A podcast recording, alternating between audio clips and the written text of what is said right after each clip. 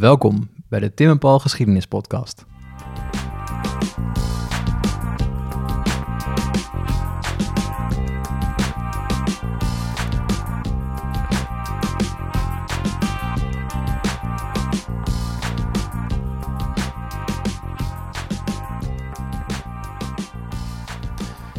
In een eerdere aflevering hadden we het over de avonturen van Xenophon in Perzië. Tim en Paul kwamen er toen achter dat we vrijwel precies niks wisten van de geschiedenis van dat land.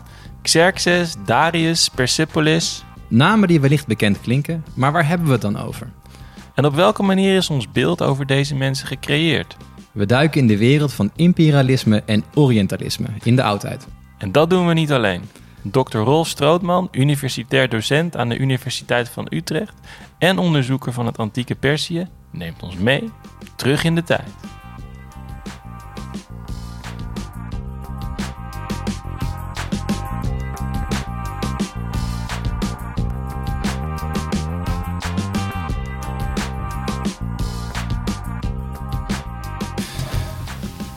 Paul, Tim. op een hele warme vrijdagochtend Ja. zitten we in een hele fijn, fijne, koele, geklimatiseerde werkkamer. Zeker, ja. Waar zijn we vandaag? Nou, we gaan het hebben ook over een gebied waar het redelijk warm is, Oh, volgens ja, mij. Eh, mooi dan even bruggetje. een schot voor de boeg. Ehm, we zitten in, eh, in Utrecht bij de universiteit Ja, Utrecht. En we zitten hier met dokter Rolf Strootman. En hij is universitair docent bij de Universiteit Utrecht. En specialist op de, moet ik even goed zeggen, Hellenistische wereld, Midden-Oosten, oudheid. Perzië. Perzië. Perzië.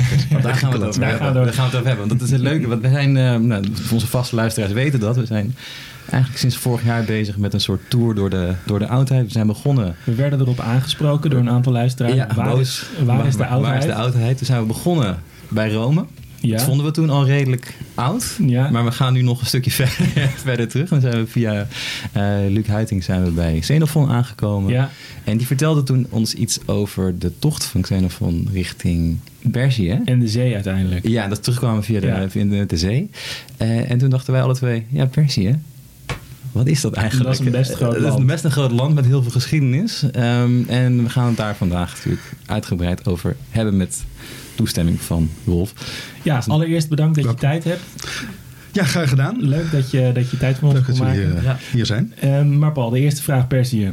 Ja, ehm, ik denk dat we, want Perzië is een heel groot gebied en het gaat ook over, als we het hebben over de geschiedenis van Perzië, dan gaat het ook behoorlijk ver terug. Dus waar de periode waar we het eigenlijk vandaag over gaan hebben is, nou, ja, wat ik noem de periode van Xenophon. Hoe is dat eh, aan te duiden in jaartallen? Oké, ja, dat is een makkelijke vraag. Ehm, het, het, het allervroegste grote Persische Rijk, die cultuur is uiteraard nog duizenden jaren ouder. Maar het allervroegste Persische Rijk dat ontstaat zo rond 550 voor onze jaartelling. Oké. Ehm, als een, eh, een veroveraar uit Iran, eh luisterend naar de naam Cyrus de Grote. Ja. Een enorm groot gebied veroverd, waar zijn opvolgers nog meer gebied aan toevoegen. En dat rijk dat blijft dan zo'n nou, ruim 200 jaar bestaan. Totdat uiteindelijk de Macedonische koning Alexander, die we vroeger Alexander de Grote noemden, maar daar is niet iedereen het meer mee eens. Eh, dat is eh, terecht, eh, dat is terecht Alexander de Derde geworden. Of Alexander van Macedonië. Totdat Alexander daar in rond 330 eh, dat rijk overneemt. Ja, want, ehm, Militair veroverd. misschien logisch om even, maar wel goed om te benadrukken. In de oudheid tel je terug. In de oudheid tel je, tel je terug. Dus we ja. beginnen bij 500 en we eindigen dan in... eh, eh, Ja, ja dat, is, dat is heel ingewikkeld. Maar als je eraan gewend raakt, dan, dan, Ja. dan, is het, dan, dan gaat het wel. ja. Ehm, alleen moet je altijd weten dat de derde eeuw, die is dan van, eh, van 300 tot 200. Ja, precies. Bij wijze van spreken, ja, Ja, ja, ja, ja. Maar ik moet, die zijn net, het is allemaal heel oud. Je vond de Rome heel oud. Maar de, de oudheid is natuurlijk helemaal niet oud. De oudheid is allemaal heel erg jong. Eh, alles, alles moet nog uitgevonden worden. Eh, Oh, ja. En alles begint. Kijk, Dus, het is lang Meteen geleden. even- meteen even, het is lang geleden, maar het is niet oud. Nee, oké, dat is een goed punt. Maar misschien nog wel De jongheid, Ja, moet dat- je eigenlijk zeggen. Dat kwam ter sprake bij eh Liederwij ook. Ehm, het verschil tussen klassici, meer taalkundig en historici. Ja, Klassici. Ja, Want dat vond ik heel interessant. Dat zij, want we hebben het met haar over eh, Cicero gehad. Of moet je nu Cicero Cicero, zeggen? ja. Heb ik ook geleerd. Maar ehm, dat zij eigenlijk zei, eh, want zij was dan met die, met die rechtspraken en zeg maar, de taalkundige geschiedenis bezig van Kikero. En dat zij eigenlijk zei, mij maakt het niet zo heel veel uit wat er nou echt in die rechtszaak wel of niet gebeurd is. Het gaat mij om de taal. En dat is een hele soort van, voor historici, een paradigmaverschuiving. Ja. Maar misschien goed om even te peilen bij jou. Hoe kijk jij ernaar? Zie je jezelf, wil jij weten wat er precies gebeurd is? Of kijk jij ook meer naar taalomstandigheden, cultuuromstandigheden? Ik, ik wil natuurlijk weten wat er precies gebeurd is. Mhm. Eh, maar tegelijkertijd weet je, vooral in de oudheid, hè, dat door, door het soort bronnen waar we mee te maken hebben, dat verrekte lastig is. Eh, die bronnen zijn allemaal onbetrouwbaar. Die zijn allemaal heel erg ideologisch gekleurd. Dat, eh, jullie noemden net Xenophon al. Nou, daar gooi ik nog, eh, ook nog even Herodotus tegenaan. als het om Persisch Rijk gaat. ja. Ja. Dus eh, dat is heel lastig. Dus heel vaak heb je, wil je wel weten wat er precies gebeurt, is, maar heb je met ideologie te maken. Die, je- Mm. En dan, hè, dat is, ehm, het is een soort cogito ergo sum. Ehm, de ideologie bestaat wel echt. Ja. Die kun je ontcijferen, die kun je proberen te begrijpen en dan proberen daarachter erachter te komen wat er echt gebeurd is. Maar ehm, er is nog iets natuurlijk wat historici, eh, of oud-historici, eh, onderscheidt van, van klassici, de taalkundigen en de, eh, de literatuurhistorici. En dat is dat eh oud-historici gebruik maken van materiële bronnen en archeologie. Ja, dus ja, ehm, dat doen sommige andere historici ook. Hè, maar het kenmerkt oud-historici om archeologie en geschreven teksten eh, eh, eh, fundamenteel, principieel met elkaar te verbinden. Ja. En die archeologie, eh, dat is vaak wel wat, wat, wat, dat geeft wat meer houvast. Ja, heb je daar uit jouw onderzoek een voorbeeld van meteen een dwarsstraat? Maar daar ben ik wel benieuwd van. Oh, ja. Maar dat jij bijvoorbeeld een moment had van ja, ik heb deze tekst of deze flart van een tekst. En Ja. weet ik veel, dit potje zorgt ervoor dat ik nu verder kom of zo. Dat het, dat het precies klopt. Nee, dat is, eh, want ook archeologie is heel erg moeilijk te duiden. Ja. Eh, om even een gelijk heel groot voorbeeld te noemen. Het is niet echt een voorbeeld. Vroeger dachten we nog dat, dat je materiële cultuur, dus dingen die je opgraaft, Ja. dat die informatie verschafte over identiteit en etniciteit van mensen. En dat geloven we bijvoorbeeld niet meer. Dus als je nu in Afghanistan na Alexander de Grote een Grieks potje vindt, Ja. dacht men vroeger, daar zijn dus Grieken geweest. En tegenwoordig twijfelen we eraan. Ja, Ehm. Nou ga ik misschien wat, wat ver, maar ik kan misschien wel op het grond van de, van de, de ideologie waar we het net over hadden, ja. die, die zie je wel vaak bevestigd in de. Een heel goed voorbeeld van een, een belangrijke archeologische bron die we hebben voor althans de ideologie, het idee van het Perzische Rijk, is eh, de grote paleisstad Persepolis. Hm. Waar prachtige reliefs behouden zijn. Het ligt in het eh, zuidwesten van het huidige Iran. En dat is een enorm paleiscomplex dat eh, heel goed bewaard gebleven is, omdat Alexander de Grote het in de, in de fik gestoken heeft. Ehm, dus het is nooit, is nooit overbouwd. Oké, dat klinkt een beetje sarcastisch. Ja, ja, maar het is van, oké, het is goed bewaard gebleven omdat het in de hens is gestoken. Het maar het is gewoon Ja. daardoor ook daarna nooit meer aangeraakt. Nee, het is, eh, het is een, beetje, een beetje gebruikt. Maar er is nooit meer op die plek een, eh, een rijk geweest dat daar zo op zo'n gigantische schaal gebouwd heeft. als dat Hmm. Persische Rijk tussen, tussen 550 en, eh, Ja. en 330 voor, eh, voor onze jaartelling.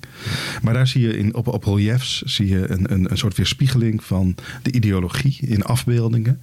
die je ook ziet in, eh, in teksten Hmm. eh, van het Persische Rijk. ja. maar ook wel een beetje over het Persische Rijk.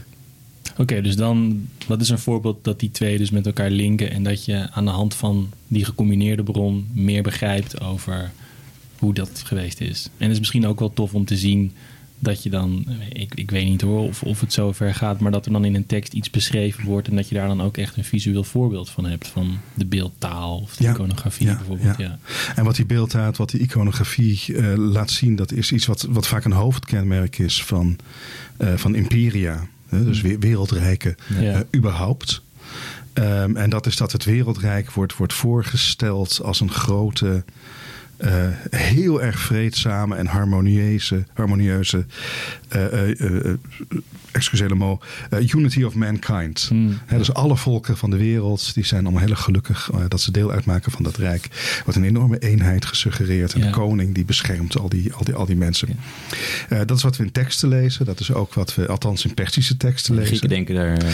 sommige Sommige Grieken, sommige Grieken denken daar anders over. En dat maakt het, dat maakt het, dat maakt het heel, erg, heel erg lastig. En eh, dit, dit, is wel eens een, dit, dit onderwerp is geweldig omdat dit, dit bestaat. Hè. Ideologie, propaganda, dat kunnen, we, dat kunnen we zien. Dat kunnen we lezen, dat kunnen we ontcijferen. Ehm, wat er echt gebeurd is en hoe, dat, hoe zo'n imperium ehm, functioneerde, is, is echt weer een heel stuk lastiger. Mm. Want dan moet je voorbij die ideologie kijken. Ja. En het gaat om een gigantisch rijk. Het strekt zich echt uit van het huidige Bulgarije. En zelfs eh, voorbij Bulgarije, delen van Griekenland vallen eronder. Tot in Afghanistan en eh, Noord-India, wat tegenwoordig Pakistan is. Eh, Zo groot is het. Eh, Soudaan hoort er voor een heel groot deel bij. Het is, het is echt het, is, het is een cliché van mij hoor. En ik ben, dat bewijst dat ik daar nooit geweest ben. Maar het, de landen die jij noemt, dat lijken mij niet de meest vruchtbare gebieden. Hoe kan het dan dat, dat, dat, dat hier de potentie is voor een wereldrijk? Ehm, de kern van het wereldrijk is, eh, is Irak. Ja. En eh, het westen van het huidige Iran. Hm. En Iran, dat heeft een enorm militair potentieel. Daar komt Hm. eh, de beste cavalerie van de oudheid vandaan. Eh, daar wonen ook voldoende mensen. Het is groot genoeg om daar heel veel troepen te kunnen werven. En Irak is met Egypte natuurlijk het meest vruchtbare gebied Ja. van, van de oude wereld. Ja. Dus dat zijn zeg maar de, vooral Irak, het, het oude Mesopotamië. Ja. Dat is zeg maar de- het, het financiële, economische hart van dat rijk. Mesopotamië, Irak hoort natuurlijk niet bij Perzië, of niet bij Iran. Eh, maar het is wel van het Perzische Rijk een, een, een heel belangrijk kerngebied. Ook omdat er zo vreselijk veel mensen wonen. Ja. En, en, en wat is dan dat moment? Want dat heb je nodig, toch? Je hebt een soort van de context nodig. Je zegt beste ruiters. eh, het is, het is Economische macht in Irak. Economisch. Economisch, ja. Er groeit wat, je kunt eten verbouwen, genoeg Ja. mensen. Maar wat Handel, is dan het... Dan, ja, is er, handel. ja, dan is er iemand, Cyrus in het dan geval. is er iemand, ja, dan moet er iets gebeuren. Ja, en wat, het dat, wat dat dan precies is, dat, dat, dat, is, dat is heel on, on- onduidelijk. De, ehm, dit, waar ik me mee bezighoud is, is, eh, is Empire Studies. Dus de vraag hoe functioneren imperia. En ehm, zeker voor het Persische Rijk geldt dat, dat, dat eh, het Persische Rijk een hoofdrol heeft tegenwoordig. In een, in een soort verschuiving die plaatsvindt in de, in de oude geschiedenis. En eigenlijk in de wereldgeschiedenis. Mm. De eerste grote verschuiving, die noem je de, de Imperial Turn. En dat is eigenlijk het besef dat in, eh, in de wereldgeschiedenis de landen zoals we ze nu kennen geen enkele rol van betekenis spelen. En dat de twee staatsvormen die eh, altijd een hoofdrol hebben tot, tot in de moderne tijd. Dat zijn er eigenlijk maar twee die echt belangrijk zijn. De enige belangrijke staatsvormen, dat is het wereldrijk, het imperium en de stadstaat. En die twee hebben ook heel veel met elkaar te maken. Want dat imperium dat, dat heeft een groot leger en dat heeft geld nodig. En steden hebben geld.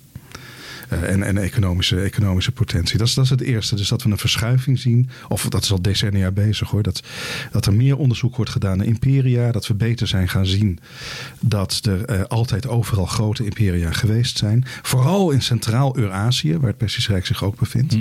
Dus imperialisme is niet langer iets wat, wat, wat je alleen met Europa associeert. Ja, in Engeland. Ja, dat wilde ik net zeggen. Toch? Nee, dat Ja. is. eh, 19e eeuw in Engeland. Ja. Ja, precies. Dat is de oude, de oude term van, van imperialisme. Dan denk je natuurlijk aan, aan, aan uitbuiting in Afrika. Ja. Nou, het, het, het gaat niet om uitbuiting. Dat zijn eh, van, van door, eh, of door, eh, door imperia die eigenlijk meestal in eh, hele andere gebieden ontstaan. Centraal-Eurazië, dus het Midden-Oosten, de Iraanse wereld. Helemaal doorlopend tot in, tot in Afghanistan. Maar ook in, in Afrika. Daar zien we overal die, steeds weer die grote rijken ontstaan. China, Hm. om even één te noemen. Ehm, en er is dus iets waardoor die rijken steeds maar blijven en blijven ontstaan. Ehm, en de grote vraag is dan, wat, wat, wat is zo'n imperium? De tweede reden waarom het Persische Rijk interessant is, is dat het deel uitmaakt van een verschuiving van eh, een focus binnen de oude geschiedenis.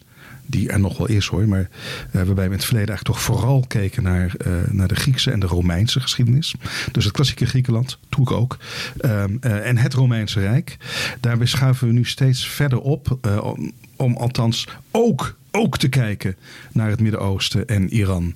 En als je daar vanuit een wereldhistorisch perspectief naar kijkt, dus als je daar ook de middeleeuwen en de vroegmoderne Mm. tijd bij neemt, hè, dan zou je zelfs, eh, dat, dat mag volgens mij wel in een podcast, een sweeping statement Ja, maken. ja, Zeker.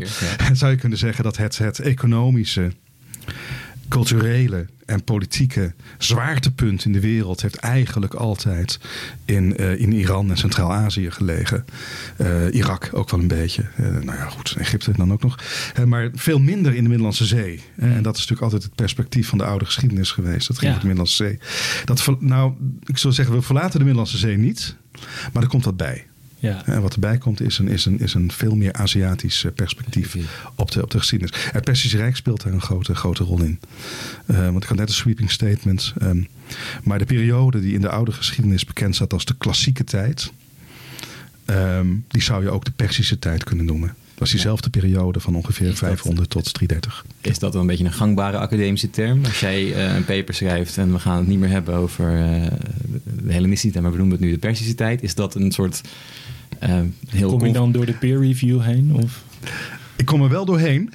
Maar je krijgt het wel, eh, ik krijg het wel te horen. Ja. Is, dat een gangbare, is dat een gangbare term? Nee, dat is een volstrekte voor provocatie. Ja, dus dat is een bewuste, dat- ja, eh, precies. ja, dat, is, dat is echt bedoeld om dat is, dat is te zeggen. Klassiek duikt heel erg op Griekenland. Nou, als je de geschiedenis van Griekenland bestudeert, dan is het een, een, een prima term. Ja. Maar als je de, de wereld buiten Griekenland erbij betrekt, dan zul je iets anders moeten zeggen. En in de periode die gelijk staat aan de klassieke tijd in Griekenland, eh, is ook in Griekenland, en zelfs helemaal tot in Sicilië en, en, en, en voorbij Centraal-Azië aan toe, is het Persische Rijk is, is, is dan ook opnieuw een sweeping statement. Eh, maar deze is echt waar. Eh, die andere was ook waar. Maar deze, echt, deze is helemaal waar. dit is echt waar, ja. Eh, het belangrijkste politieke, culturele en economische macht in de, in de oude wereld. Ook, Ja. ook in Griekenland. Want ook, ook Griekenland is, is ondanks het idee dat Griekenland altijd buiten het Persische Rijk gebleven, gebleven zou zijn, maakt deel uit van een soort culturele, economische Ja, van eh, Identiteitvorming, Ja. toch? Dat, dat je eigen identiteit vormt ten opzichte van de ander en het grote gevaar natuurlijk. Toch? Ja, en over de Grieken gaan we het ook nog hebben, denk ik. Hè? Ja. Hun beeld van, eh, Ja, van, de- ja. van, de, van de persen. Laten we dan nog even teruggaan naar, ehm, naar Cyrus.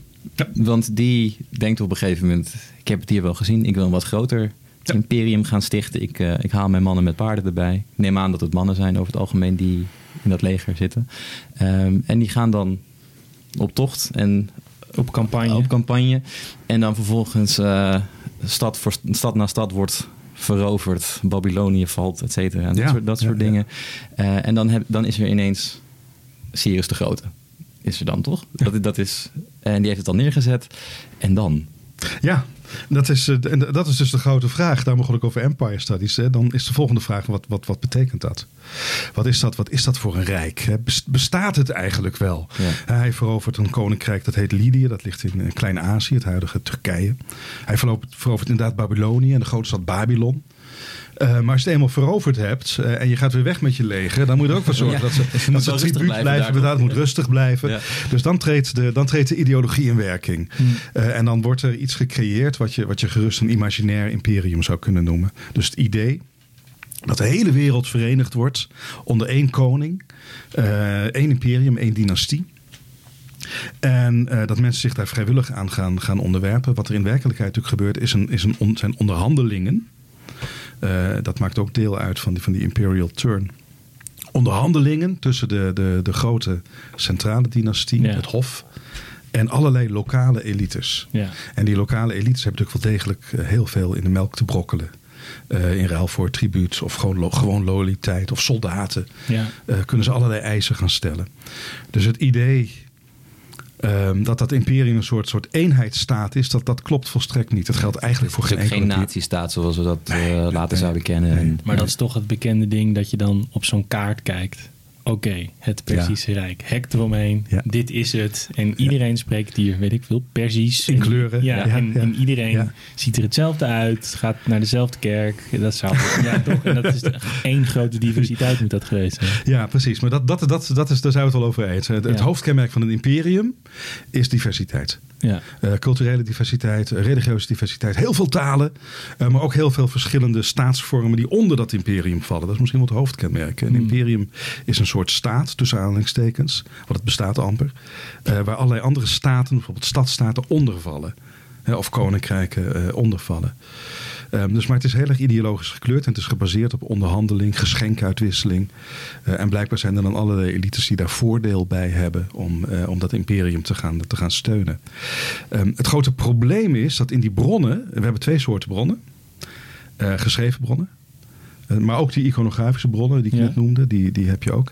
Ehm, dat zijn de Persische bronnen en dat zijn de Griekse bronnen. Ja. En beide hebben er enorm veel belang bij om dat Persische Rijk voor te stellen als ongelooflijk machtig en autocratisch Ja, en ja, ja, absolutistisch. Dus een Persische inscriptie zegt: Ik ben Darius, eh, dat is de, de derde koning. eh, eh, en, en, en ik ben de legitieme koning van, van, van het Persische Zoveel Rijk. miljoenen mensen. Ja. Heel veel miljoenen mensen. Hij was niet legitiem. En, en, ehm, ehm, en, en, en almachtig. Nou ja, al dat, al dat soort zaken worden. ik vlieg een beetje uit de bocht met de terminologie. Ik zou erbij kunnen zoeken. En de BS toen is kunnen voorlezen. Maar die, de, de koning presenteert zich al echt als almachtig. Ja. En de heerser van alle volkeren van Mm. de aarde. Hè, dus niet alle volkeren eh, minus de Grieken, maar allemaal. Ja. Eh, en de koning is absolutistisch en iedereen gehoorzaamt hem. En dat is ook niet waar. En de Griekse bronnen, die vaak kritisch zijn op het Perzische Rijk, die moeten natuurlijk hetzelfde doen. Want die hebben, althans de Atheners en hun bondgenoten, de Spartanen ook, hebben het Perzische Rijk verslagen. Ja. In de zogeheten Grieks-Persische oorlogen. Dus die hebben er ook enorm belang bij om dat Perzische Rijk voor te stellen. Dat is enorm machtig. Ja, want als- Met als- grote legers, et cetera. Als zij zeggen, nou die Persen die slaat helemaal nergens op. eh armzalig staatje en een hele zwakke koning. Maar we hebben ze wel verslagen. Dat is een beetje, Precies. doe je jezelf ook een beetje tekort, Ja, zeg maar. ja. Dus je bouwt ze op. Dat is 13-0 winnen van Montenegro. Precies. Ja, dat, ja, dat, heb je, ja dat, dat is leuk voor de statistieken. Maar daar heb je uiteindelijk niet zoveel aan. Dus hoe, sterker zij Ja. zijn, hoe sterker Ja. jij eigenlijk Ja. bent. Ja. Ja. Dus het beeld van een imperium is dat het een eenheidsstaat is, dat het supermachtig is. Mm. eh, eh, en de realiteit is waarschijnlijk veel minder eh, al dus. De realiteit is natuurlijk vaak dat het toch, toch een soort netwerk is van, van, van relaties tussen, tussen elitefiguren. Ja. Vaak in steden. En, het, en, het, en dat centrale, centrale hof. Ja. Ik ga iets gevaarlijks doen hoor, maar is dit ook toepasbaar op bijvoorbeeld het Romeinse Rijk?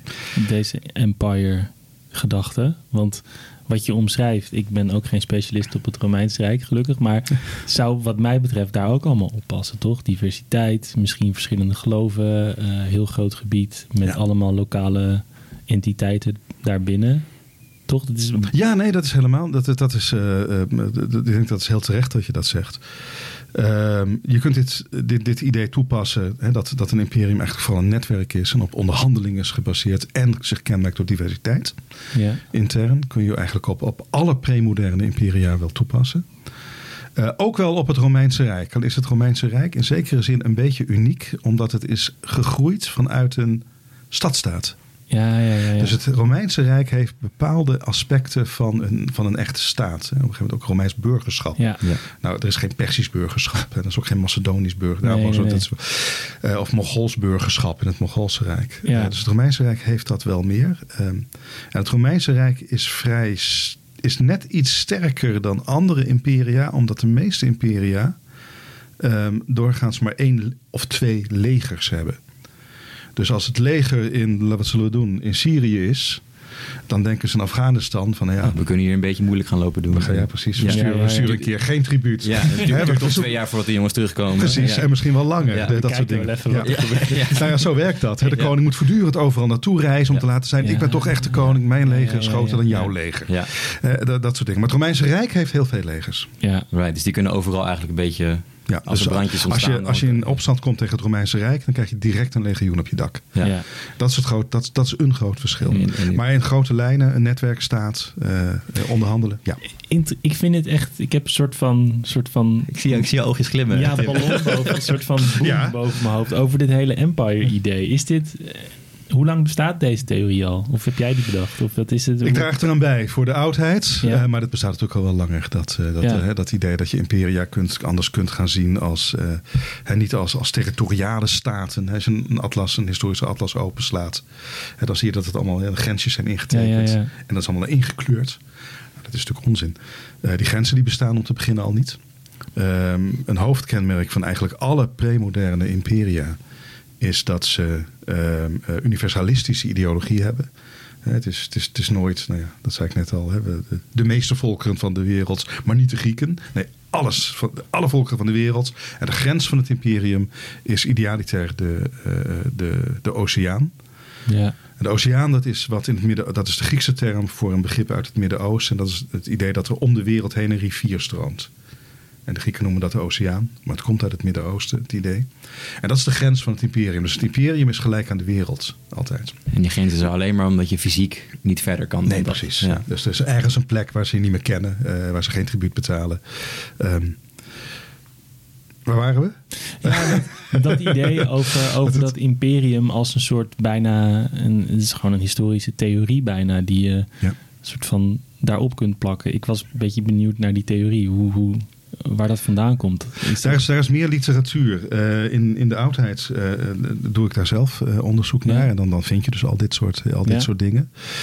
Inclusief universalistische ideologie, wat vaak ontkend is voor vooral Alexander de Grote. En zijn opvolgersstaten, zijn opvolgersrijken, die toch altijd wel een beetje als Europees gezien werden.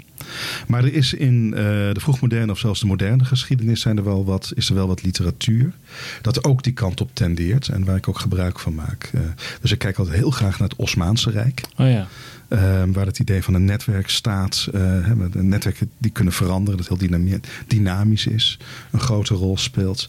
En er is een, een, een, een buitengewoon interessant boek dat mij uh, ook heel erg beïnvloed heeft.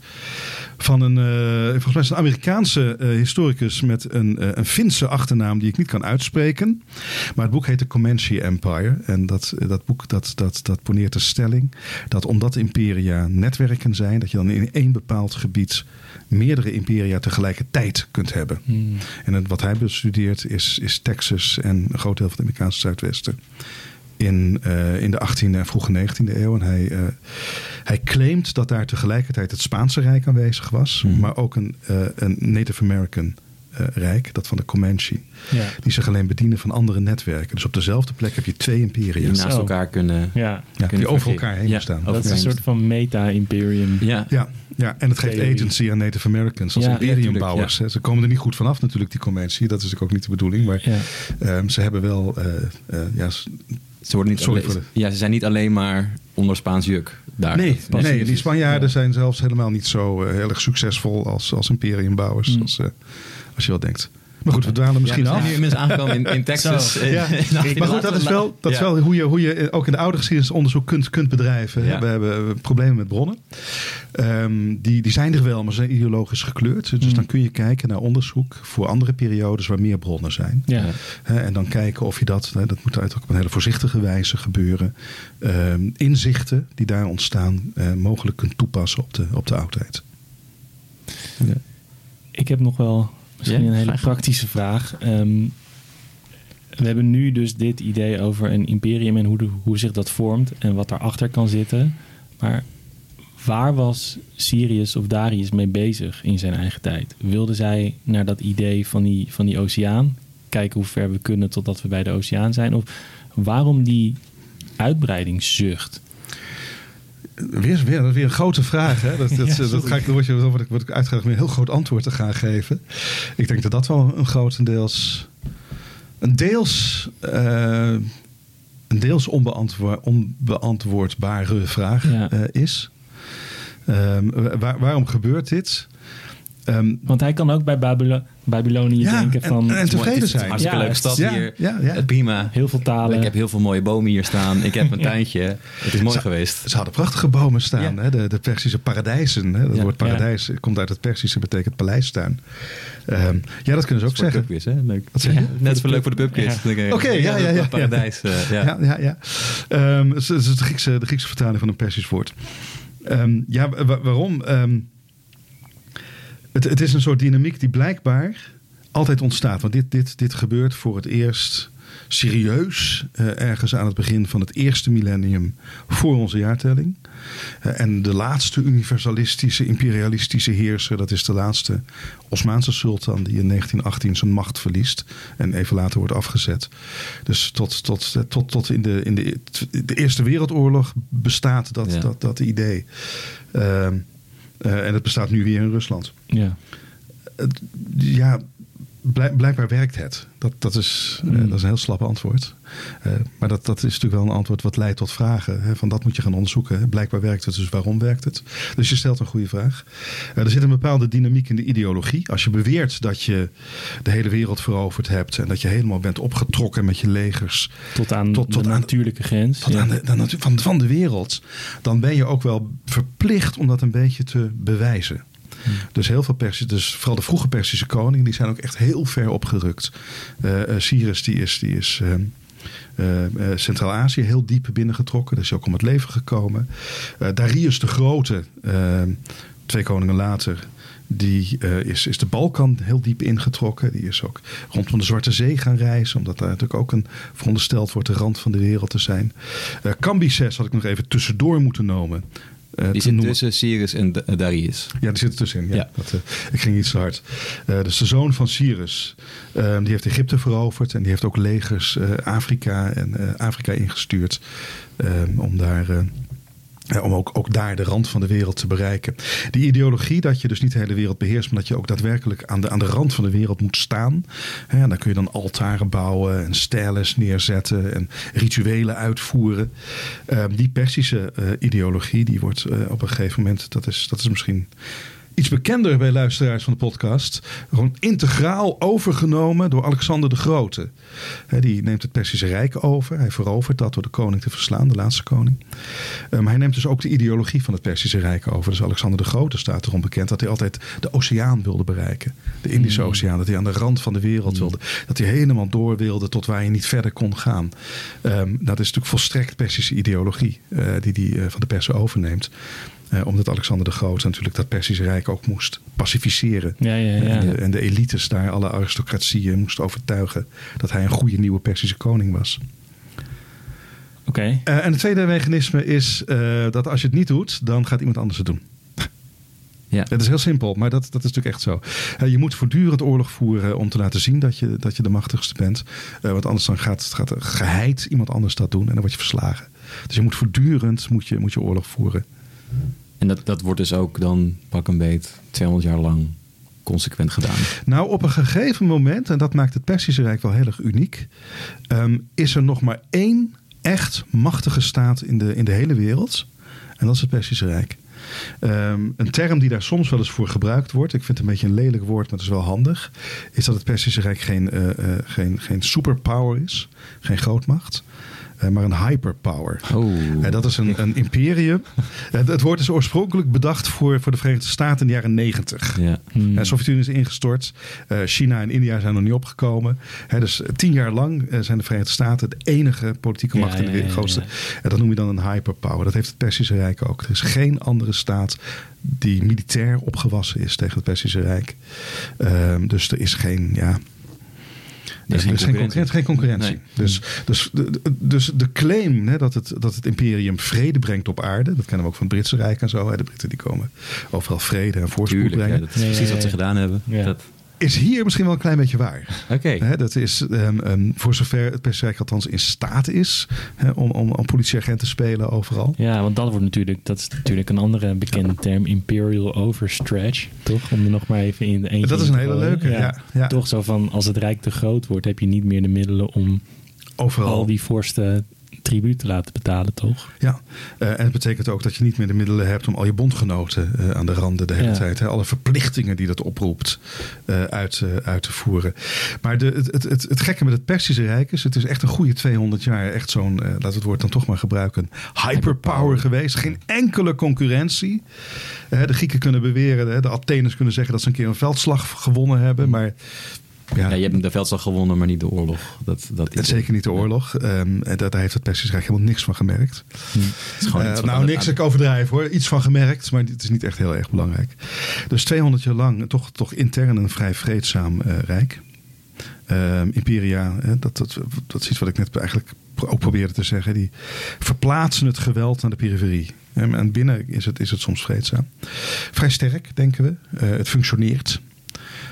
En dan opeens komt daar vanuit de periferie vanuit een borderland, vanuit een, een, een eh, hoe noem je dat, een frontier zone, namelijk Macedonië, komt daar een leger, eh, hoofdzakelijk Macedoniërs, met nog wat Balkantroepen erbij.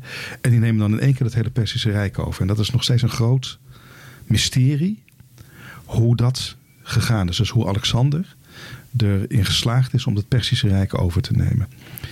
Daar kun je wel allerlei antwoorden op geven. Maar antwoorden die men vroeger had, ja, het Persische Rijk was zwak, het was decadent, eh, het, was, eh, het was in verval, et cetera. Dat, dat, dat geloven we eigenlijk niet meer. Het is, het is eigenlijk heel vreemd. Het bestond gewoon nog, het functioneerde. Ja. En opeens wordt dat, wordt dat overgenomen. Maar zit daar niet dan een soort Orientalisme in? In dat idee van er komt iemand uit het Westen. Ja. En Alexander werd, ik weet niet of dat klopt, maar die werd, wordt volgens mij altijd een beetje klassiek afgebeeld als eh, een beetje porseleinen huid en blonde haren, blauwe ogen. Gozer, en die komt daar eventjes, Ja. eh, hartstikke mooie jonge man, Ja. is nog jong. Ja. En die gaat eh, daar even de boel op, ook als wraak voor wat ze ooit in Athene hebben gedaan. Dat, Ja. dat heeft er ook weer mee te maken. Zogenaamd. Ja. Ja. En Ja. Maar dat is dus niet helemaal. Ja. Orientalisme is, is wel een, een heel belangrijk, eh, een belangrijk woord hier. Ehm, ehm, Moeten we dat nog duiden? Edward Said. Ja. Oh, kan. Shout-out Ja, Edward Said, toch? Ja, dat hebben we ooit moeten lezen voor bronnen en uh. En komt dat in jullie podcast vaker voorbij, het Orientalisme? Eh, we hebben, ja, Eigenlijk helemaal niet. we hebben de term nooit geduid. We hebben het volgens mij wel eens een keer genoemd. Ja. Eh, vast wel een keer. Maar dat is toch één boek geweest van Ja. Edward Said. Edward Said, Orientalisme. 1978 of daaromtrent. Ja, Is, heeft, hij dat, heeft hij dat geschreven? Dat gaat over modern Europees imperialisme. En beweert dat Europeanen een beeld hebben gecreëerd van het Oosten, met hè, onder aanhalingstekens, als een heel groot eh, cultureel uniform gebied. Hm. Ehm, waar allerlei eigenschappen op geprojecteerd zijn. Die tegenovergesteld zijn aan eigenschappen die, eh, die Europeanen zichzelf toedichten. Hè, dus het, eh, het oosten is autocratisch en tyranniek, want het westen is Democratisch, niet- vrij. is Ja. democratisch en vrij. Ehm, het oosten is lethargisch, niet in staat zichzelf te veranderen. hè. Je moet democratie met een klein beetje geweld naar Irak brengen, want dat kunnen ze zelf niet. nee, nee. Ehm, hè, want het, het, en het westen is dus dynamisch, het westen is mannelijk, het, eh, het oosten is vrouwelijk, Ja. eh, het oosten is decadent, et cetera, et cetera. Dat zijn allerlei kenmerken die Said heeft laten zien. Ehm, En, en dat zit dan echt in literatuur, in schilderkunst, in alles toch bijna? Ja. Dat idee. Dus het collectieve geheugen over Ja. dit gebied is gewoon daarvan door. Op, op bewust of niet als persoon, je- dit is gewoon automatisch zit in. Eh, Ja. ja. Ja, ja. Hij, Said heeft het zelf vooral over, over, eh, over wetenschap, over de, de, de studie van, van de islam en van de, eh, eh, de Oriëntaalse talen. Dat, dat is de oorspronkelijke term van Orientalisme, dat is gewoon de naam voor de studie van, van het Arabisch en, Ja. en andere talen. Ehm, en hij beweerde daarbij dat dat allemaal in dienst stond van het Europese imperialisme en de Europese overheersing van het Midden-Oosten. Daar zijn heel veel twijfels over Hmm. of dat waar is. Maar als je inderdaad, zoals je zegt, naar literatuur gaat kijken, naar schilderkunst gaan kijken, dan zie, dan zie je al die clichés, eh, de, de inherente wreedheid van, van, van Oriëntaalse heersers, het sadisme van Oriëntaalse heersers. Dan zie je dat overal terugkomen, vooral in de 19e eeuw. Ehm, Waarom moeten we daar zo uitgebreid over hebben? Omdat dat beeld van het Westen dat anders is dan het Oosten, dat daar een soort kloof is, dat begint hier. Dat begint met het Perzische Rijk. En vooral met Griekse opvattingen over dat Perzische Rijk. Uh, Said wijst daar ook wel een beetje op. Hè, maar dit is dus de eerste keer dat je uh, iets, iets ziet ontstaan waarvan je althans later met terugwerkende kracht hè, van zou kunnen zeggen: hier zien we Oost en West ontstaan. Hmm. Hè, want het Westen bestaat niet en het Oosten bestaat ook niet. En de kloof tussen beiden bestaat al helemaal niet. Nee. Uh, maar het zijn dus concepten die we voor het eerst hier zien. Want er zijn bepaalde Griekse auteurs.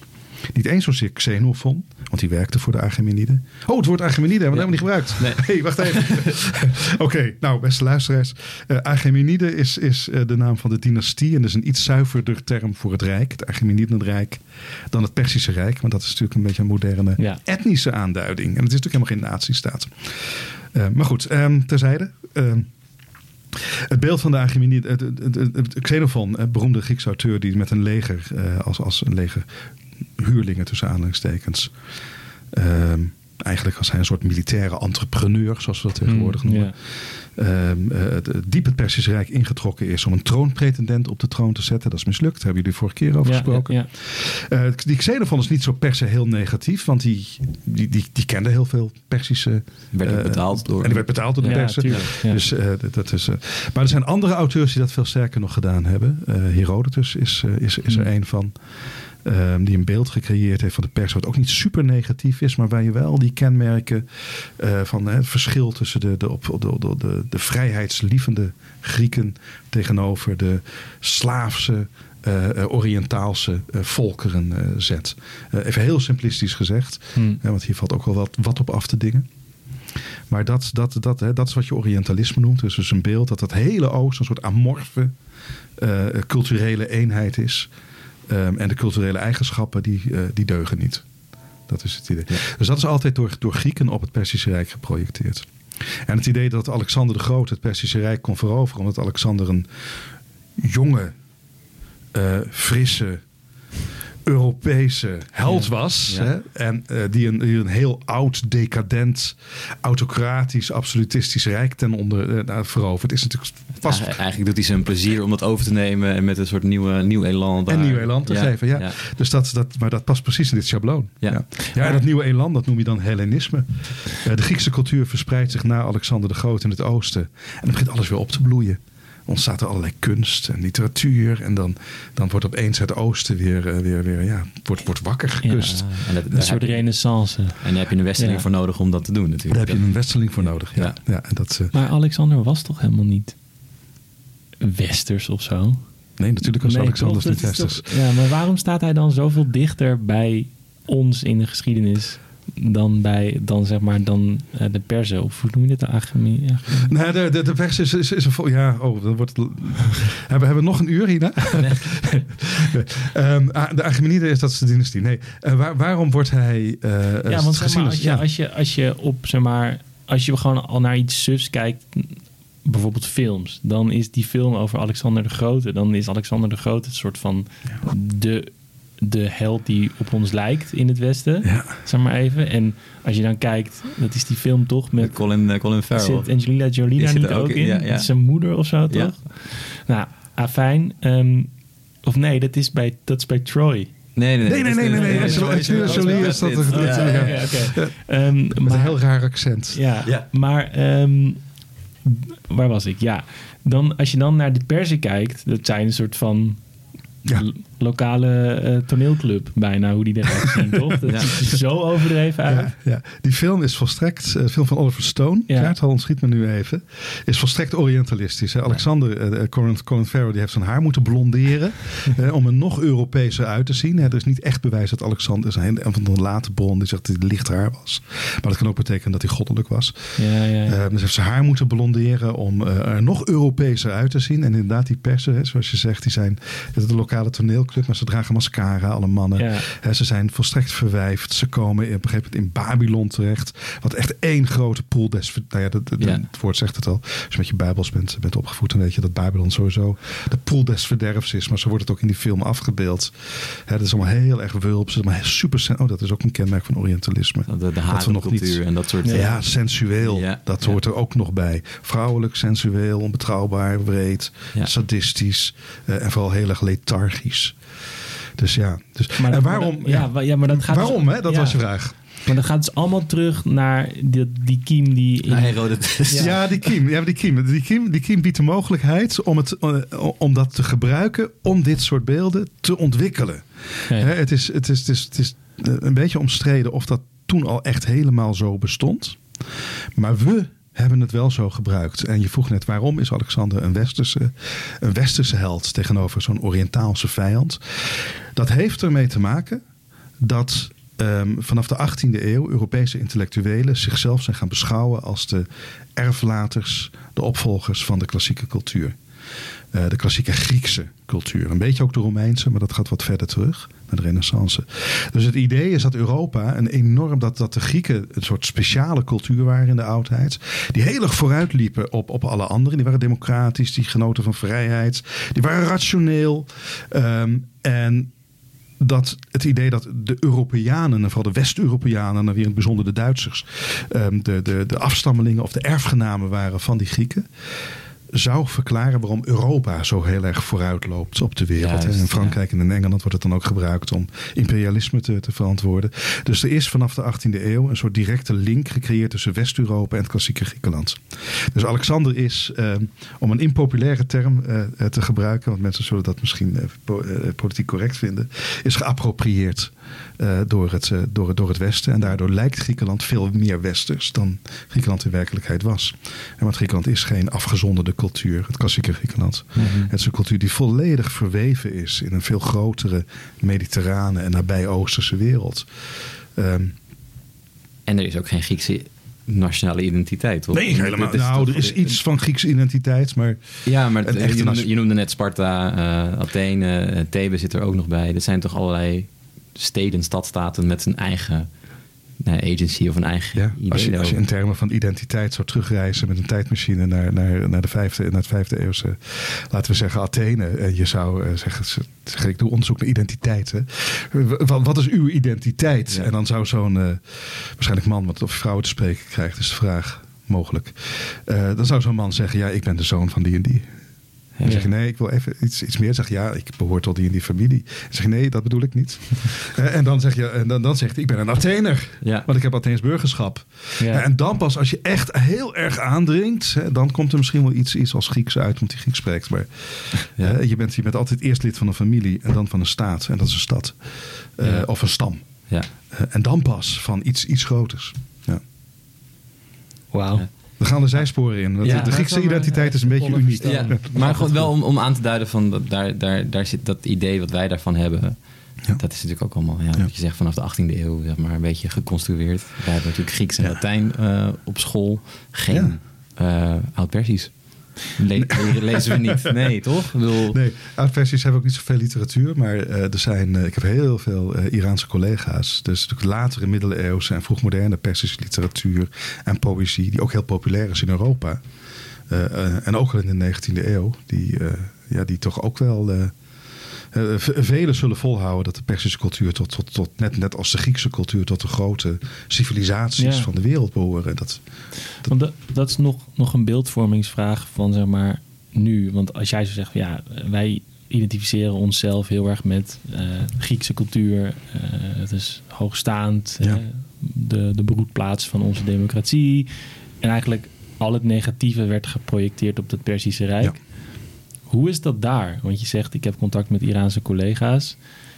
Hoe ervaren zij dat? Want ik kan me voorstellen dat ook als jij zegt van er zijn niet zoveel Persische bronnen, dat het beeld, het, zeg maar, het, het moet ik ook oppassen hoe ik het zeg, het Europese westerse beeld ten opzichte van de Persen misschien daar ook wel dominant is, leidend is in de beeldvorming. Want zij zien ook zo'n film over, van eh, Oliver Stone over. Eh, veel, veel Iraanse collega's, waarvan er trouwens de, de, de, eh, eh, velen in, in het Verenigd Koninkrijk en in de Verenigde Staten werken. Mhm. In Iran heb je vooral heel veel goede archeologen. En met mensen die over de geschiedenis schrijven in, een, in, in, in het Engels dan. Dat zijn Amerikaanse Iraniërs en, en Engelse Iraniërs. Van een groot deel hoor. Je hebt ze ook in. Nederlands. Ehm, die willen toch vooral een lans breken voor, voor het eh, Perzië, het oude Perzië, maar ook het, het middeleeuwse en vroegmoderne Perzië. Te zien als een van de grote civilisaties van de Ja. wereld. In Iran zelf bestaat soms een wat, wat misschien wat. Ja, in Iran ligt dat heel erg lastig.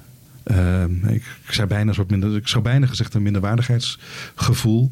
Maar die pagane eh, eh, Iraanse eh, cultuur, die ligt natuurlijk niet lekker bij het regime eh, in Nee. Iran. nee, maar dat is natuurlijk... dat is heel ja, antisemitisch. Ja, ja, Ja. ja, dat, dat, dat Ja. maakt het nog weer ingewikkeld. Ja, want je kan dan niet terug, want dat zie je natuurlijk vaak wel met dit soort nou ja, autocratie-systemen. dat je, je gaat teruggrijpen op je grote geschiedenis. Ja. En de, de Maar als die Mussolini deed het over ja. Rome, et cetera. En dan is het soort van, ja, maar deze mensen waren echt heel belangrijk en een hypermacht. Maar ze geloven totaal in ander geloof. Ja. En, eh, dus hoe, Ja. hoe, rijm je, hoe rijm je dat dan? Het wordt wel gebruikt door, door, eh, door de oppositie tegen, tegen het, eh, het, het islamitische regime in, de, in, in Iran. Ook door eh, seculiere Iraniërs Hmm. eh, buiten Iran, maar in Iran. Het, het toch heel erg jezelf associëren of een identiteit opbouwen, juist met dat pagane verleden. En Als bijna een soort van tegenbeweging. er was, er was Ja. op een gegeven moment een, een beweging, dat is alweer misschien alweer tien jaar geleden. Er is nu weer een beweging dat vrouwen hun sluiers Mhm, demonstratief afdoen. Eh, en dat, dat lijkt ook alweer behoorlijk eh, de kop ingedrukt te zijn. Maar er was op een gegeven moment een beweging dat vrouwen hun, eh, hun, hun hoofddoeken afdeden. Eh, en daar dan vervolgens selfies van op Facebook post. En dat heette My Stealthy Freedom. Het is begonnen wel in de Verenigde Staten. Eh, sorry, in, het Verenigd Koninkrijk, onder, onder Engelse Iraniërs. Maar die liet zich dan bij voorkeur fo- fotograferen bij het graf van Darius in Iran. Eh, de, de, de tombe van Cyrus. Mm. en in Persepolis, de grote paleisstad. Ja. Daar. Dus dat wordt heel erg geassocieerd met, met dus dat, dat anti, anti-religieuze verzet. Dat associeert zich deels met, eh, met dat, dat, dat hele oude Persische verleden. Ja. Dat is wel interessant, zeg. Ja. Want hoe is dat dan? is misschien ook weer lastig om te beantwoorden, maar op school bijvoorbeeld. Leren kids daar dan juist wel of juist niet over? Ik ben niet op de hoogte van het. Nee, eh, van het eh, maar wa- wat ik, wat ik echt wel zou vermoeden van wat ik ervan weet, is dat ze hier weinig, weinig over Ja. leren, denk ik. Dus het is een hele rare spagaat. Hè, want het is natuurlijk die, die oudheid. Er zijn meer Persische rijken geweest, ook in de oudheid. eh, die even machtig waren en even cultureel hoogstaand. Ehm, dat is toch iets waar je prat op kunt gaan. Eh, maar aan de andere kant, het is, het is natuurlijk wel erg niet, niet islamitisch. Ja. Ja. En het werd natuurlijk in de jaren zeventig is het ook een beetje eh, in handen gekomen van de laatste Shah. Die zichzelf daar ook eens mee gaan associëren. Hij beschouwde zich als een opvolger van Ja, die ja, ja. oude Persische koningen uit de oudheid. ja. En dat eh, ligt een stuk bij de tegenstanders van de Shah ligt dat weer heel erg gevoelig. En dat zijn niet alleen maar islamitische tegenstanders. Ja. eh, die door de Shah vervolgd werden. eh, des- nee, in Iran is het politiek heel erg ingewikkeld. ja. Wauw. Ja. Ja. Tattoos. Ja. Je kunt een dissertatie schrijven over mensen die een, een tattoo van de god Ahura Mazda, zoals die afgebeeld staat, eh, op, eh, eh, eh, op, op Persische reliefs, reliefs, die daarmee, daarmee rondlopen. Dat is een tijd lang een enorme trend geweest. Dat is de, de, de hoofdgod van... dat is de hoofdgod van de, van de oude, oude heidense persen. Ja. Ja. Ook weer in een soort van identiteitsding. Ja. Dat je juist Ja. dat Ja. op Ja. je rug zet. Ja. Wauw. Jij zei nog iets in de trein hier op weg. Zei ik wat? Ik heb heel veel Ehm, dingen tegen jou gezegd ja, over... over wat we Ja, maar niet- konden bespreken over tegenwoordige beeldvorming. Ja, nou, daar haakt wel een klein beetje aan in die tegenstelling Oost, Oost en West en de film van Oliver Stone. En die, Ja. ik weet niet precies welk jaar dat die uitgekomen is, maar wel rond 2001, Ja, iets in die zoiets. Eh, of, of net daarna. Eh, en natuurlijk ook, eh, daar hadden wij het over de telefoon over in ons voorgesprek, Ja. de, de historisch volledig correcte film 300. 300. Eh, ja. Waar die mensen ook op een bepaalde manier worden, worden afgezet. Het Maar je- stripboek is wel beter, jongens. ja, oh, de, gra- de graphic novel is Ja, het. eh, Ja. is echt goed. is ja. goed. Ehm, maar er zit wel ook, dat Orientalisme zit daar natuurlijk ook heel zwaar eh, in. Het, in- zeker in, in die film is het natuurlijk helemaal karikaturen worden alleen maar, eh, maar afgebeeld. Ehm, ja, dat, kan jij iets vertellen over die periode van wat Iran en Irak, of Irak wordt later ook binnengevallen natuurlijk in eh, 2003. Iran niet door de Verenigde Staten. Maar het is wel een soort beweging die gaande is, toch? Ja. En dat, dat Ja. hakt ook weer terug op. eh, Daar speelt dat een, een, een, enorme rol. eh, eh, of een enorme rol. waar, waar- gaan we naartoe? We gaan naar de film 300. ja. van Zack Snyder. Eh, ook daar ontschiet mij nu het jaartal, eh, het jaartal mee. 2007 denk ik. 2007. 2006, 2007. Het stripboek is, eh, of de, sorry, de graphic novel is Ja. ook heel goed. Ja. En ik weet niet of ik dit, dit publiekelijk mag, mag, mag, mag, mag zeggen. Maar ik vind de film ook eigenlijk best wel heel erg cool. Hij is waarschijnlijk echt heel goed gemaakt. Ja. Ehm, en de vraag, klopt die film? We zijn net al heel ironisch van, hè, van die film die zo heel erg historisch correct is. Er zijn wel eens mensen die zeggen van ja, die film geeft een hele correcte weergave van hoe de Grieken over de persen dachten. Ja, ja, ja, ja, ze worden ja. karikaturaal eh, afgesteld. Er is een Persische koning, Xerxes. Dat is de echte grote. Er is weer een Persische koning bijgekomen nu. Hè? Cyrus, Cambyses en Darius hebben we gehad. Ja. Dan komt Xerxes. Xerxes. Dat is de echte boeman. Ja. Dat is de echte grote tegenstander. Want die met een valt Griekenland een binnen. groot leger Griekenland binnengevallen is in eh, zo rond 480 voor onze jaartelling. Ehm, eh, en die de Grieken met veel moeite verslagen hebben. En die de Grieken ook, eh, bij de Grieken ook geleid heeft om een soort eenheid te creëren, Hmm. tijdelijk. Dus een beetje een Griekse eenheid was er toen wel. Eh. En onder, onder Alexander opnieuw. Ehm, en daarover is die film gemaakt. En koning Xerxes wordt ook echt, echt afgebeeld met alle orientalistische clichés... die ook ver voorbij Herodotus gaan. De Griekse geschiedschrijver die de belangrijkste bron is... Hè, voor, Ja, die, voor die Persische oorlogen. Ehm, dus, dus hij is, is heel erg autocratisch. Hij is ongelooflijk decadent. Hij is ongelooflijk feminien. Heel, erg, heel erg sensueel is hij, maar ook vreselijk vreed en sadistisch. Dus al die kenmerken zitten in die koning. En daar tegenover staan dan die, eh, die toch wel wat rare Spartanen in die film. Die dan, die Met dan die lendendoeken bijna, toch? rare, ja, ik weet niet, in die sportschool, jongens, ik weet niet wat, dat nou precies de betekenis heeft. Maar de waarden die zij vertegenwoordigen zijn Amerikaanse waarden. Ja. En dus je kunt op twee manieren over die film praten. ja, Eh, er zijn in Iran mensen heel kwaad geworden. Er is heel veel literatuur geweest. Want het is een belediging van de Iraanse cultuur. Ehm, eh, want wij worden afgebeeld als een soort demonen. Die soldaten Ja. die hebben demonische maskers op. Hmm. Ehm, de ene manier om over die film te, te, te spreken is je zegt nou dit heeft niks met de geschiedenis te maken. Het is gewoon een fantasyfilm. Ja. Nog een spannend Het is toevallig dat het eh, geplaatst is. In, Ja, Ja, dat het maar een goed dat verhaal ja. is. En die En- ene en- man heet Le- Leonidas toevallig, toch? Ja, precies. Ja. Nee, goed, het gaat wel over een historisch Ja, veldslag. maar het heeft niks Thermopylae. te maken met het, wat er Ja. daar daadwerkelijk Nee, gebeurd dat kan. is. Ik kan zeggen, het is een, het is een, het is een, het is een fantasyfilm. Dat moet je niet, daar moet je niet te veel achter zoeken. Ehm, maar dat kan niet. Want hoewel de film misschien niet per se de bedoeling heeft de historische werkelijkheid van Grieken en Persen te construeren. Die film gaat natuurlijk wel degelijk over het, eh, het conflict eh, na 9-11 tussen eh, het, het Westen en het Oosten. Hmm. Opnieuw beide tussen aanhalingstekens.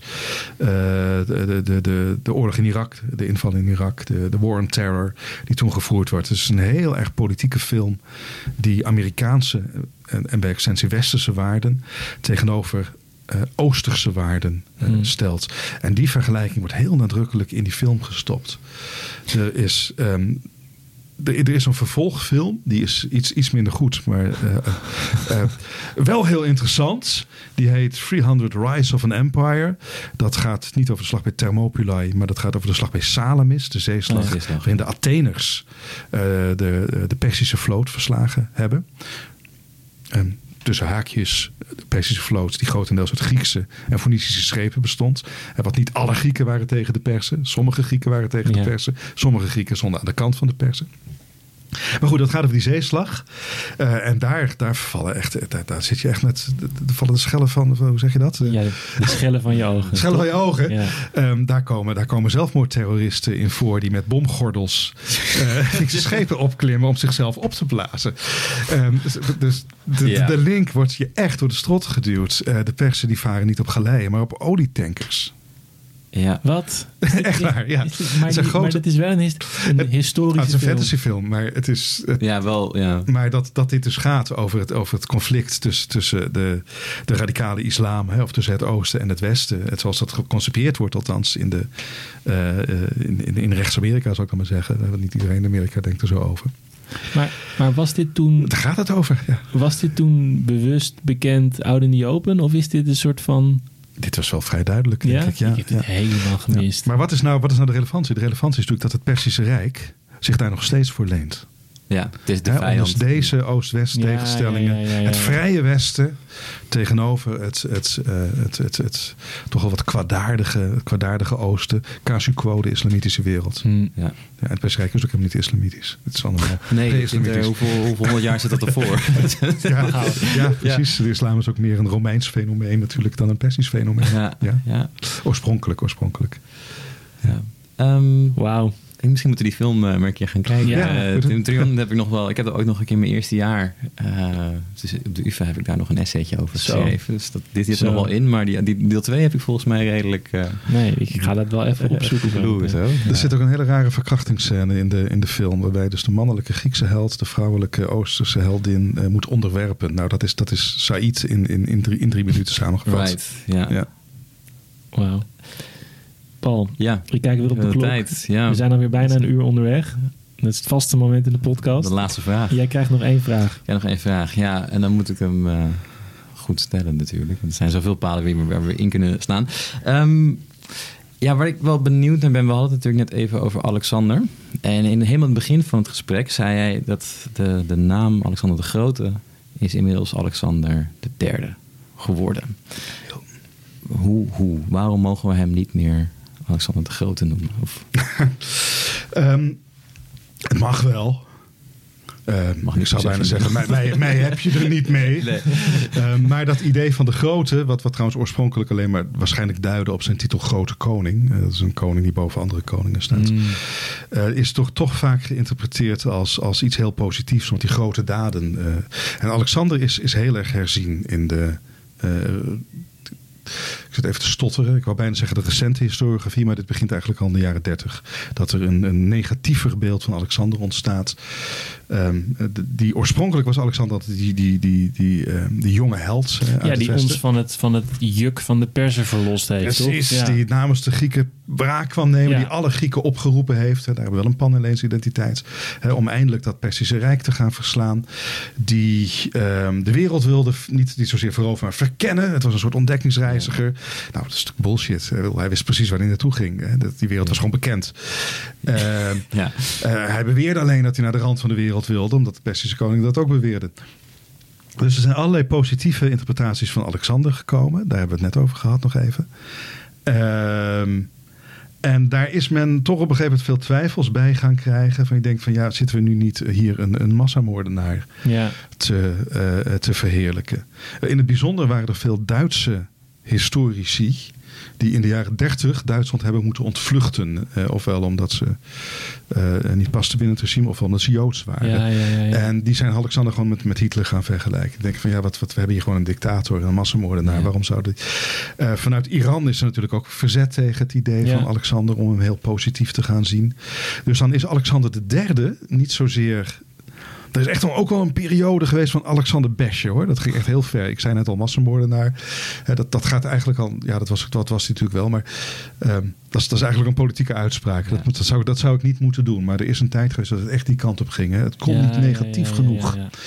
Als je zegt Alexander de derde of Alexander van Macedonië, dan doe je het gewoon neutraal. Dat, Ja. dat is eigenlijk meer het idee. En als je zegt de grote, dan lijkt het alsof je hem toch, Alsof je er zelf een waardeoordeel in hebt. juist alsof het toch een waardeoordeel is. En dat, dat, dat moet je niet doen als historicus. Nee. Je moet gewoon neutraal en Ja. objectief over de, over de geschiedenis schrijven. Ja. En als we dan eh Cyrus en Darius, de grote, dit is dan... Dat is wel een probleem. Ja, ja. Ja. want Cyrus heeft ook die titel, ehm, de grote. En eh, die, die behoudt hem wel. Eh, misschien omdat er een inhaalslag eh, Ja, te, te ja. behalen valt natuurlijk. Hè, om het Persische Rijk weer wat positiever te beoordelen. Maar natuurlijk per saldo is het Persische Rijk natuurlijk ook gewoon een imperium. Het is gebaseerd op geweld. Ehm, eh, uitbuiting speelt daar net zo goed een rol als in het Romeinse Rijk of in het Britse imperium. Ze creëren vrede, dat is absoluut waar. De cultuur is prachtig. maar het is een imperium. Het is, het is imperialisme waar je het, Ja. waar je het over hebt. En het, er was onlangs een tentoonstelling in Assen. Eh, een hele mooie tentoonstelling over, het Persische, over de Persische geschiedenis. Veel In Assen? breder. In Assen, ja. Ja, het is al twee jaar geleden hoor. Ja, maar die hebben konden heel veel objecten uit, uit Teheran mogen, mogen lenen. Oh, dat was een geweldige ja. tentoonstelling. Maar daar staat ook een grote tekst waarin ze het hebben over Cyrus de Grote. Sticht het Persische Rijk. En Alexander van Macedonië verovert het Ah, weer. En dus er, er moet er nog een inhaalslag komen. En dit is ook weer iets waarvan ik denk, dat moet ik misschien niet te hard zeggen. Eh, maar eh, ehm, waarbij natuurlijk ook het Persische Rijk natuurlijk misschien weer wat negatiever. Het punt is, Ja. het Persische Rijk is zo lang zo negatief beoordeeld geweest. Hè, dat dat echt, echt wel nodig is om daar gewoon even nog een keer wat, wat positiever over te Maar praten. het, het, het is toch het, het klassieke ding over perspectief in de geschied, geschiedschrijving. Dat, je, dat we zo erg altijd dat Persische Rijk vanuit ons, onze, ja, hoe zeg je dat, historiografie bekeken hebben. Waarin het gaat, wat jij de hele tijd zegt, over onze idealen, over de democratie. Ja. En wij identificeren ons heel erg met de Atheners, met Ja. het zeg maar Griekenland. En dit is gewoon de aardsvijand. Nou, en hoe erg is het dan om dat misschien nog even iets langer eh, anders te noemen, zo- zodat we dat beeld misschien iets completer krijgen? En dat het dan later weer wat Ja, genuanceerder ja, gaat toch? worden. Ja, Ja. nee, dat is, dat is zeker waar. Dat, eh, dat Persische Rijk, dat waren de, de aards... Tenminste, dat was het beeld van de aardsvijand. Ja. Er zit nog een aardsvijand tussen. Dat zijn de Osmanen. Die met de pers werden geassocieerd. Ja. Eh, maar de tijd is op, dus daar moeten we misschien maar niet meer over gaan beginnen. Dat, dat, zit, dat zit wat meer in de middeleeuwen, late middeleeuwen, toch? Ja, maar die werden wel gelijkgesteld in de pers. Ja, ja, dus de vijanden van de vrijheid. Ja. Ja. En dat, eh, dus het is die, die negatieve beelden, die zijn... eh, ja, die hebben het, het beeld van de pers altijd heel erg beheerst. En dat verandert nu. eh, tegelijkertijd met een verschuiving van een wat minder eurocentrisch beeld op de oudheid. Naar een, eh, een beeld van de oudheid waarbij het Midden-Oosten, Iran, Centraal-Azië en India. China zit er ook nog ergens achter, maar dat, dat vind ik persoonlijk iets te ver weg om er ook nog een keer bij te Mhm. betrekken. Maar bij Midden-Oosten, Iran, eh, de Iraanse wereld, Centraal-Azië eh, ook een centrale plek gaat krijgen eh, in, in de oude geschiedenis. Ja. Ja. En dat is, dat is een beweging waar niet iedereen natuurlijk naartoe gaat. Dat hoeft ook niet. Nee. Maar waar sommigen wel naartoe gaan. En wat denk ik een hele belangrijke ontwikkeling is die nu plaatsvindt. Absoluut, ja. Meerdere, meerdere stemmen hebben we. De oudheid is ook Iran en de oudheid is ook India Ja. Ja, absoluut. Ehm, en Afrika. Sorry. Ik, ik wil nog, ik wil echt heel graag nog een uur door. Ja. maar dat laten we dat. eh, laten Misschien we komen we nog we gewoon, komen gewoon een een keer terug. mag. We komen graag een keer terug. Laten we het eh, voor, hier, eh, voor nu hierbij eh, bij houden, denk ik, Tim. Of Ja. heb jij nog? een, Nee, ik ben ook helemaal... Ik heb allemaal nieuwe inzichten, allemaal nieuwe we ideeën. gaan dit weekend allemaal boekjes lezen Ja, en zo ik vond het een geweldige ochtend. Dankjewel. Ja, heel erg, heel erg bedankt, eh, Rolf. Graag gedaan. Fantastisch. En jullie bedankt voor de uitnodiging.